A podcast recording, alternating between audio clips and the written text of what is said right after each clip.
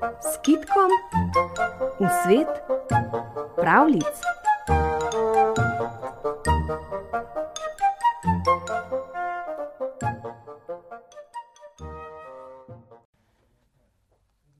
Drevesni bog, kralj Brahmadata, je stal na obali reke Ganges in si ogledoval čudovite templje in palače iz marmorja svojega čudovitega mesta Varanasi, toda ni bil srečen.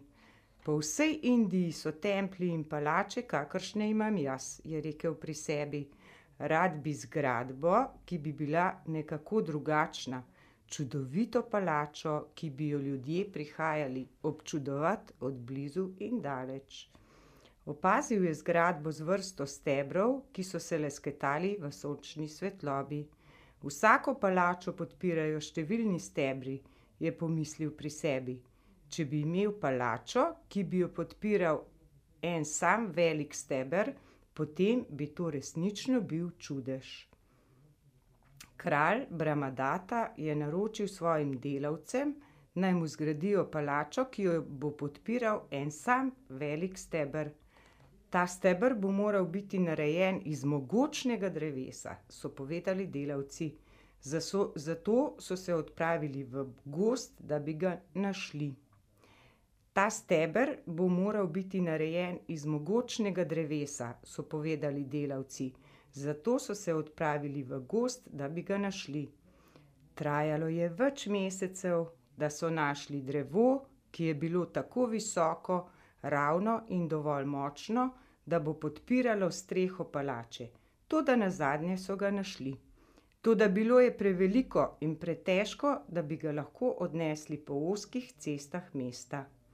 Ko je kralj slišal, da delavci ne morejo prinesti drevesa iz gozda, je ukazal, naj drevo poiščejo v parku ob palači.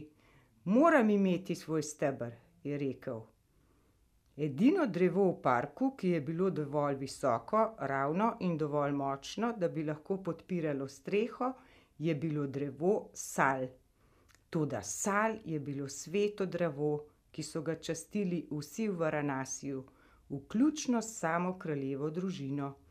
Delavci so se ga bali posekati, zaskrbljeni so o težavi poročali kralju. Ni mi mar, če je sveto drevo, je vzkliknil kralj. Hočem svojo novo palačo. Posekajte ga in se spravite na delo. Delavci so vedeli, da nimajo izbire, toda še prej so okoli drevesa obesili cvetlične vence za drevesnega boga, ki je živel tam. drevesni bog, so vzkliknili, odpusti nam, kajti ukazano nam je bilo, da posekamo tvoje drevo. Molimo, da boš našel nov dom. Zatem so prišli tudi prebivalci Varanasija in prinesli daritve drevesu. Drevesnega boga so so prosili, naj se reši. Drevesnega boga so prosili, naj se reši. Drevesni bog je prisluhnil njihovim besedam, toda svojega doma ni mogel zapustiti, kajti okoli njega so rasli njegovi otroci v obliki majhnih dreves. Če kralj ukaže, da je potrebno drevo sal posekati, potem moram umreti, je povedal ljudem. Toda če bo moje drevo padlo, bo pokončalo moje otroke, ki rastejo spodaj. Da bi jih rešil, se moram pogovoriti s kraljem. Tisto noč se je kralj prebudil z občutkom nelagodja. Nenadoma je pred njim zasijala medla svetloba. Postajala je vse večja in svetlejša, dokler vsa soba ni bila odeta v zlato svetlobo in pojavila se je podoba drevesnega boga, ki je bil oblečen v bogata oblačila.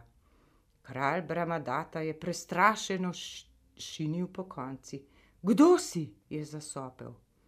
V mojem kraljestvu me imenujejo srečno drevo, je rekel drevesni bog.